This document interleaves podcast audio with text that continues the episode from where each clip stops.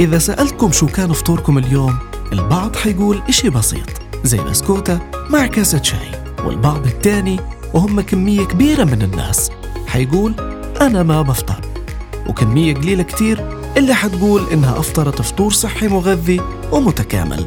للأسف كتير ناس ما بتعرف أهمية وجبة الإفطار خصوصا طلاب المدارس والجامعات اللي أغلبهم بيلغي الفطور من روتينهم اليومي بحجة ما في وقت الصبح يخصصوه للأكل أو لأنهم ببساطة ما بيحسوا إنه إله أهمية.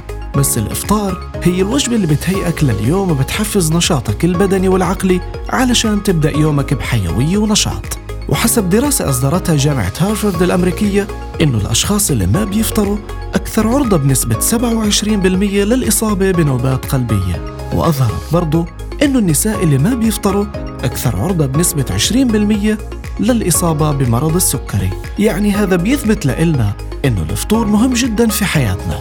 لهيك قرر من اليوم تخصص للإفطار وقت من روتينك. ولاحظ كيف حيتغير يومك.